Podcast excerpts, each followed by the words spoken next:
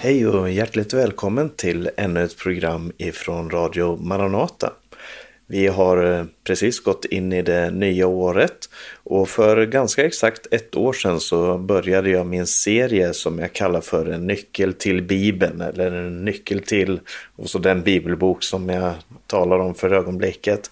Och med det här programmet så har vi gått igenom 35 av Bibelns 66 böcker. Så vi är ungefär halvvägs och det verkar som att vi ska kunna gå i mål inom eh, 2023. Det är ju 66 böcker eh, så, och så är det 50, 52 veckor på ett år. Eh, men jag har haft en del andra program också. Och idag så ska vi tala om Kolosserbrevet och försöka ge några nycklar till förståelsen av eh, det brevet. Aposteln Paulus han skrev över ett dussin brev till olika församlingar och personer som vi har bevarat i Bibeln i vårt Nya Testamente. Och de här breven har olika karaktär beroende på vem han skriver till och vilken situation som han behandlar. Och Kolosserbrevet är ett brev där aposteln verkligen placerar Kristus i centrum eftersom det fanns en fara för att han skulle hamna i marginalerna. Och just det ska vi tala om idag. Välkommen till Radio Maranata. Jag heter Paulus Eliasson.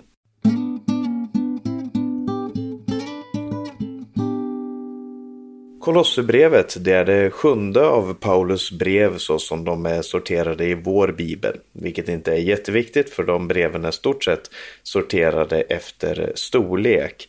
Eh, och Kolosserbrevet har eh, fyra kapitel, kommer efter Efesebrevet och Filipperbrevet. Eh, genren som det här brevet är skrivet i det är eh, ett brev eller en epistel. Eh, det betyder att det här brevet inte är en teologisk avhandling och det är lite viktigt för att ofta när vi läser eh, kanske framförallt Paulus brev och Petrus, Jakob, Judas, eh, Johannes brev, så, så behandlar vi det som att eh, här är en apostel som försöker göra allt för att förmedla eh, teologiska sanningar. Och så plockar vi ofta ut eh, små versar ur deras sammanhang och behandlar dem som eh, små, små teologiska påståenden. Och det kan vara rätt eller det kan vara fel, men i ett brev så måste vi vara klara över att Paulus talar till en speciell grupp om ett eller flera speciella problem. Och vi lyssnar på det här samtalet. Så det är aposteln som talar till andra, det är inte skrivet till oss, även om brevet är skrivet för oss. Alltså det är till nytta för oss men inte skrivet till oss. Eh, och det är ett samtal men vi hör bara den ena sidan av samtalet och det kan vara viktigt att vara klar över och det kommer också bli viktigt i det här brevet som vi ska se lite senare. Mottagarna av det här brevet är församlingarna i eh, Kolosse. Kolosse var en stad som låg inte långt från Efesus och Laodicea som kanske är lite mer kända församlingar. Eh, Paulus hade inte grundlagt den här församlingen vad vi vet men han hade antagligen nära kontakt med den här församlingen. Den blev nog grundlagd genom den missionen som eh, startade med Paulus arbete i Efesus. Det står i Apostlagärningarna att eh, när, när Paulus förkunnade i Efesus så nådde ordet ut till hela mindre Asien, hela det området där eh, det befann sig. Och det, några år senare då så sitter aposteln Paulus i fängelse i Rom och skriver det här brevet. Så det är antagligen skrivet runt år 60-62. Och den historiska kontexten, alltså vilken situation är det han skriver det här i, är det att församlingen i Kolosse hade blivit påverkade av olika filosof filosofier som stod i fara för att eh, förstöra församlingen om att de förlorade evangelium och fokuset på Kristus. Och därför så kom Epafras, eller Epafroditus som det antagligen är en förkortning för, som var en av ledarna i församlingen och kanske till och med grundläggaren till församlingen, kom till Paulus där han satt i fängelse i Rom och förklarade den här problematiken, förklarade vad det var som, vilket slags tryck som församlingen hade blivit utsatt för. Och som ett resultat av det Epafras berättade så valde Paulus att skriva det här brevet som vi kallar för Kolosserbrevet. Så temat i det här brevet är ett väldigt fokus på vem Jesus är och vad det betyder om Jesus är denna personen. Eh, vad betyder det? Vilka konsekvenser får det för församlingens liv? Och vi ska gå in i den här texten nu.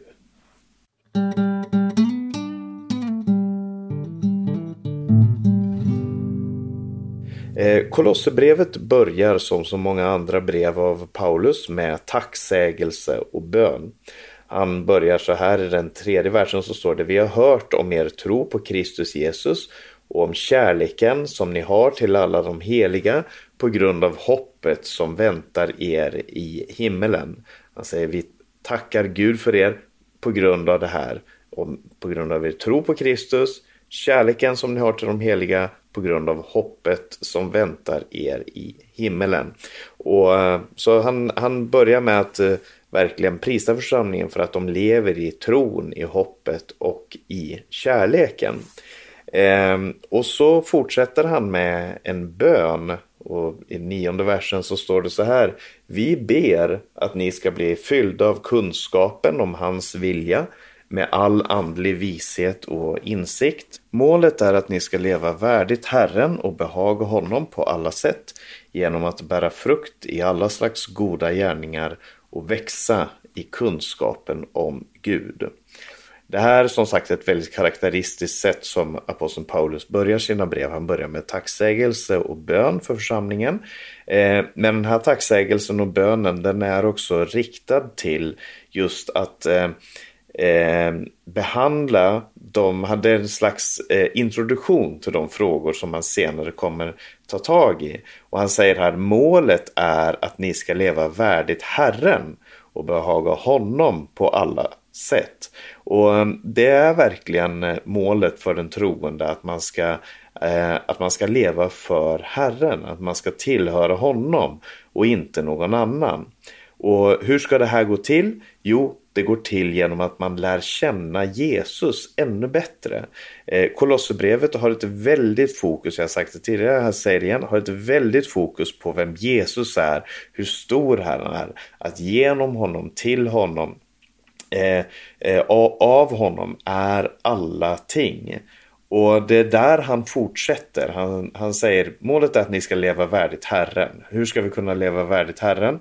Jo, genom att vi lär känna honom bättre.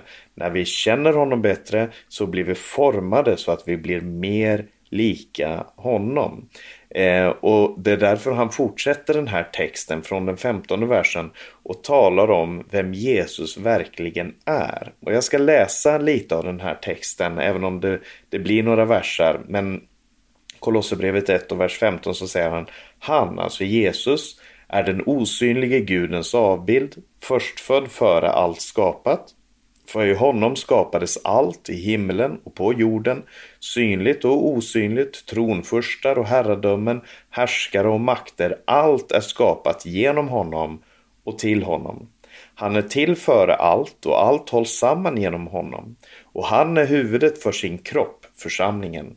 Han är begynnelsen, den förstfödde från de döda, för att han i allt skulle vara den främste.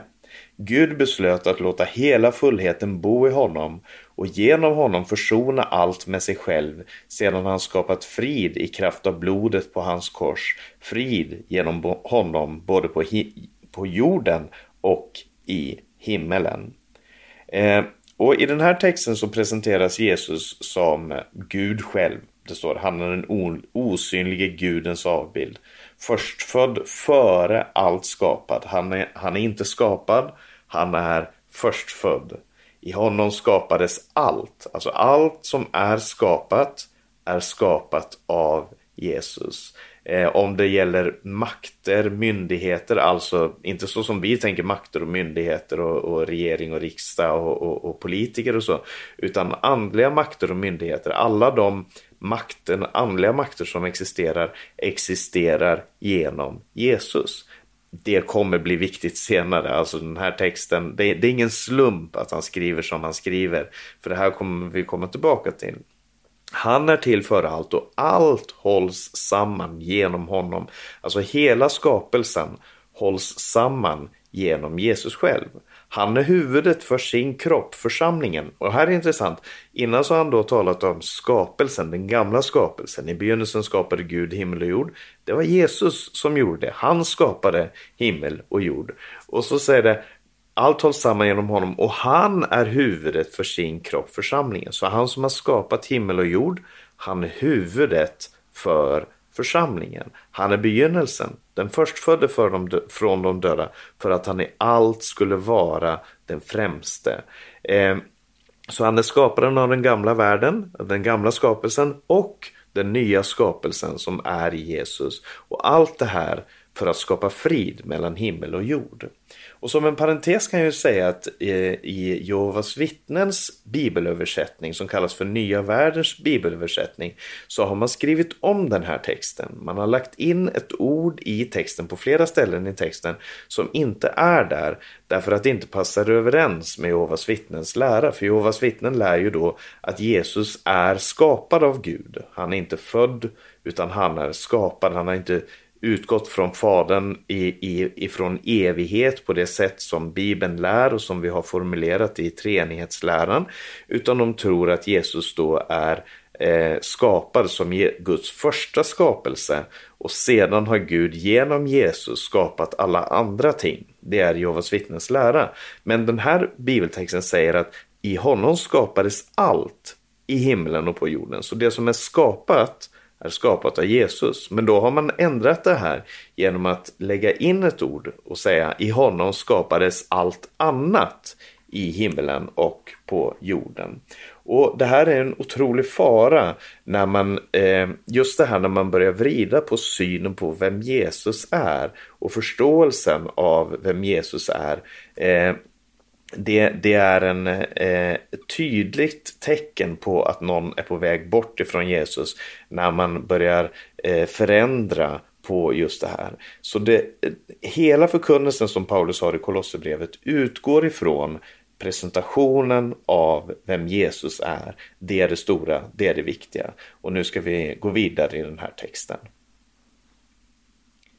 I slutet av kapitel 1 och i början av kapitel 2 så talar Paulus om sitt eget lidande. Han sitter i fängelse i Rom eh, och han, han säger att den här kampen som han har som lidande för Kristus, det är en meningsfull kamp och ett meningsfullt lidande.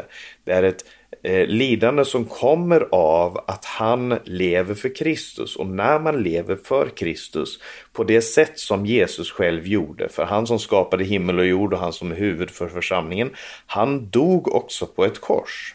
Alltså han som regerar från evighet till evighet, han led under människor. Han led och dog på ett kors. Och Paulus säger på samma sätt så får vi idag bära Kristi lidanden eh, och, och, och, får bli delaktiga i hans lidande för att vi ska bli delaktiga i hans härlighet.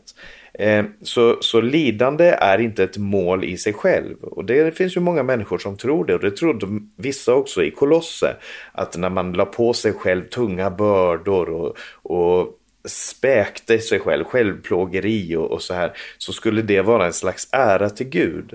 Men men eh, Paulus han, han säger att eh, det, eh, det finns inte någon helighetsstämpel som man kan stämpla sig själv med. Man ska inte plåga sig själv för att uppnå Guds gunst eller för att kunna visa sin överlägsenhet mot andra. Utan det man ska göra är att eh, ge sig själv helt till Jesus. Han är vårt hopp. Han är vårt hopp om härlighet, församlingens hopp, församlingens framtid. Och när vi gör det så kommer eh, saker och ting hända i församlingen också. Och det här blir en slags introduktion till det som kommer senare i kapitel 2 där han går in på att just bemöta Eh, de problem som man hade i församlingen. För Kolosse var en stad där det fanns både judar och hedningar och församlingen var också en plats där både judar och hedningar, där rika och fattiga, där slavar och fria och många andra grupper befann sig som vanligtvis inte hade så mycket med varandra att göra. Det var en etniskt och socialt blandad församling och därför drog man med sig in i församlingen sitt bagage, som man ju naturligtvis gör. Jag som, som svensk som nu bor i Norge, jag har ett väldigt skandinaviskt sätt att tänka på det. Jag läser eh, nyheter från Norge och Sverige. Jag förhåller mig till de sakerna och därför så kommer jag att präglas av det. Och det är helt naturligt. Man präglas av sin hudfärg, sin, sitt språk, sin, eh, sin eh, politiska uppväxt, vad man, ja, vad, vad man hade för föräldrar, vad man fick uppleva och så vidare. Allt det här präglar en människa och det är väldigt svårt att bara skaka av sig den när man kommer till den församlingen och säga att ja, det har ingen relevans för mig nu längre. Eh, för att det har viss relevans, men han, han, faran som han säger här är, han säger i kapitel 2, vers 8, aposteln, se till att ingen fångar er med den tomma och förrädiska filosofi som bygger på mänskliga traditioner och världsliga makter och inte på Kristus. Så det finns en filosofi som bygger på Kristus, det är den sanna filosofin. Filosofi betyder att älska visdom.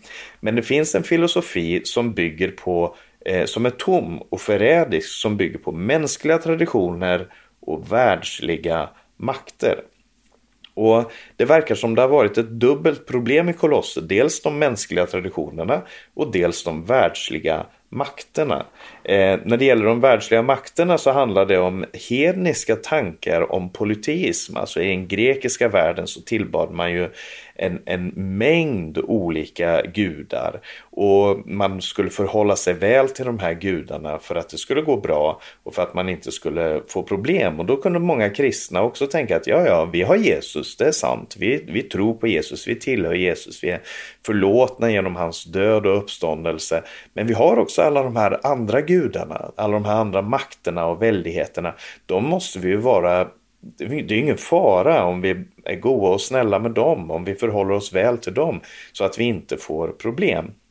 Men eh, Paulus han, han möter det, bemöter det här och säger att men då Jesus dog på korset, alltså det som i världens ögon kan anses för att vara eh, en svaghet och, och, och, ett tillfälle där han verkligen var svag. Men där han dog på korset, säger Paulus, så avväpnade han härskarna och makterna och gjorde dem till allmänt åtlöje när han triumferade över dem på korset. Det står i andra kapitlets femtonde vers. Eh, så han säger, ni behöver inte förhålla er till de här svaga makterna, till de här besegrade makterna, för Jesus triumferade över dem alla. Och det finns många kristna som, som pratar otroligt mycket om demoners makter och satans makt och, och, och Eh, alla de här makterna och hur de förstör kristna och, och de jag läste, har nyligen läst en bok om en kristen församling där man eh, hela tiden skulle syssla med demonutdrivning för att nu var demonerna där och de var i det huset och de var bland de här syskonen och de var inne i den här systern och, och den här brodern. Aposteln Paulus säger, ni behöver inte förhålla er till de här makterna, varken tjäna dem eller, eller vara överdrivet rädda för dem, för Kristus har triumferat. Men det andra som gällde, som de hade problem med, det var de judiska traditionerna och lagarna som man hämtade då ifrån Gamla Testamentet. Och om dem så säger Paulus i den 16 versen i andra kapitlet Låt därför ingen döma er för vad ni äter och dricker eller när det gäller högtid eller nymånad eller sabbat. För allt detta är en skugga av det som skulle komma, men själva verkligheten är Kristus. I Gamla Testamentet så möter du många matlagar. Du möter lagar om, om sabbaten, om nymånaden, och andra typer av högtider. Och allt det här var en skugga av det som skulle komma. Så lagar om mat och högtider var viktiga inom den judiska tron och, och många omvända judar fortsatte att följa de traditioner som de hade med sig. Något som ju var naturligt för dem. Vi firar sabbaten, jag menar precis som vi i Norge och Sverige tar ledigt på lördag och söndag. Det är så det funkar för oss. Men för dem så hade det här en stark tillknytning också till deras eh, identitet som troende på Gud. Och därför så började man försöka omforma församlingen genom att säga till andra att det där ska du inte ta på, det där ska du inte smaka, det där ska du inte röra. Det handlade om renhetslagar, om matlagar, det handlade om, om nymånader och sabbater och så vidare. Och Paulus säger att det här eh, är inte vi bundna av. Vi är inte bundna av de här lagarna därför att eh, vi tillhör Kristus. Vi, eh, Jesus fullbordade lagen och han är verkligheten som lagen pekade fram emot. Så lagen är inte irrelevant för en troende, för en kristen. Eh, Gamla testamentet är inte irrelevant, det är inte så att vi säger att nej, det där har ingenting med oss att göra. Men vi ser det i ljuset av det som Jesus har gjort på korset. Och även idag så finns det många kristna som vill hämta influenser både från andra religioner, precis som de vill göra, eller som vill eh, reagera på den här ekumeniken med att följa renhetslagarna ifrån Gamla Testamentet. Och, och det finns många idag som, som säger ja men vi, vi som kristna, vi måste hålla sabbaten. Vi som kristna, vi måste hålla de här matlagarna. Eller till och med vi måste, borde omskära oss eller vi borde följa de här lagarna och de här lagarna lagarna. Och det är inte vägen, säger Paulus, för det rövar Kristi kors dess kraft. Korsets kraft berövas när vi, när vi eh, håller oss i skuggvärlden istället för att hålla oss till verkligheten som är Jesus Kristus. Och så säger han att det här, det här verkar som ödmjukhet. Men det, är egentligen bara späkning av kroppen som tillfredsställer det kötsliga sinnet. Och när vi tänker på att tillfredsställa det kötsliga sinnet så tänker vi antagligen att ja, men köttet blir tillfredsställt av att leva ut syndiga lustar, av att leva i, i sex, få massa pengar, få massa rikedom, få massa makt, kunna regera över andra människor. Men faktum är att Paulus säger att självplågeri kan vara lika farligt när man säger åh det här gör jag för att vara en bättre kristen, det här gör jag för att känna Gud bättre. Eh, när det faktiskt inte har ett mål, som det han talade om innan, hans lidande för Kristus som hade som mål att Kristus skulle bli förhärligad. För att han förkunnade Kristus så fick han problem. Men det här är människor som säger, och jag läste bara häromdagen en på Twitter, en, en broder i Kristus som skrev att nu ska jag ta några dagar och fasta för att straffa min kropp för att den eh, tänker fel och gör fel. Och jag sa till honom, jag tror inte att det här är sättet att göra det på. Att straffa, det, det, då hamnar man i den villfarelsen som Kolosserförsamlingen hamnade i. När man vill lägga på sig själv saker och ting som inte är presenterade i evangelium. Vi har inte så många minuter igen men vi ska ta med lite grann om de sista två kapitlen också.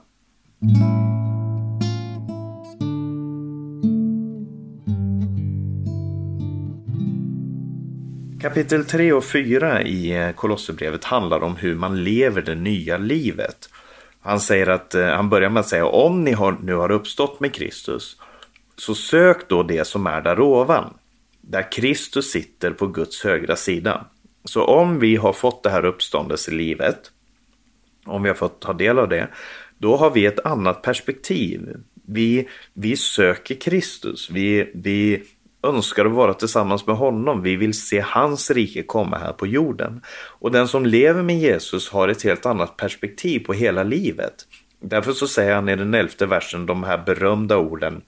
Här är ingen längre grek eller jude, omskuren eller oomskuren, barbar, skyt, slav eller fri, utan Kristus är allt och i alla.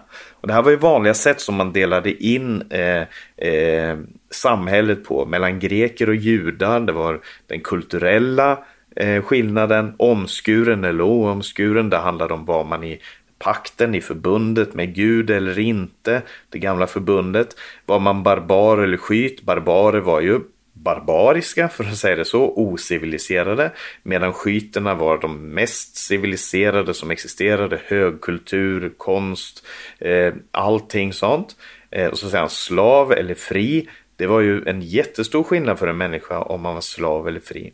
Men så säger han Kristus är allt och i alla.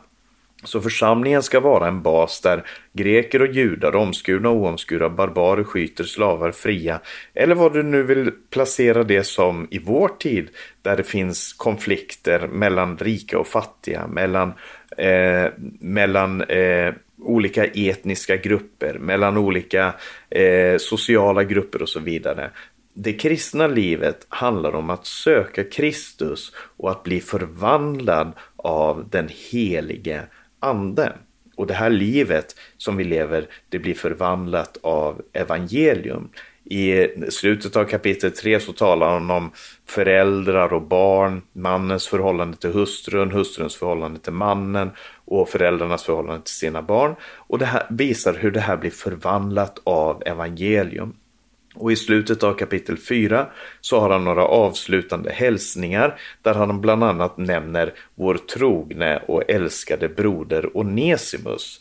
Och det blir en ingång till brevet till Filemon som jag tänkte att vi ska tala om nästa gång. Eh, som handlar om förhållandet mellan Onesimus, Filemon, aposteln Paulus och, eh, och Gud själv. Och vi ska se lite hur det förhållandet såg ut. Det blir nästa vecka i Radio Maranata. Men jag hoppas att du har blivit välsignad av det här budskapet och att det har givit dig några tankar som du kan ta med dig in i ditt kristna liv också. Vi ska få några avannonseringar innan vi lyssnar på en sång.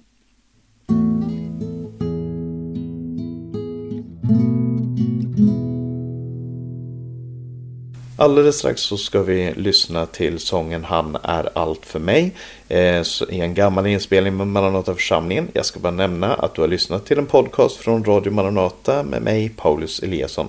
Det här programmet har sänds över Stockholm 88 MHz och Örebro 95,3 MHz. Sänds varje tisdag morgon klockan 8. Sprid gärna de här programmen till andra också. Om du har några frågor så kan du skicka en e-post till info eller ring 070-201 60 20. På vår hemsida maranata.se kan du höra programmen, läsa minnesropet, se Radio Maranatas övriga sändningstider. Sprid Guds välsignelse till alla du möter. Vi hörs igen om en vecka.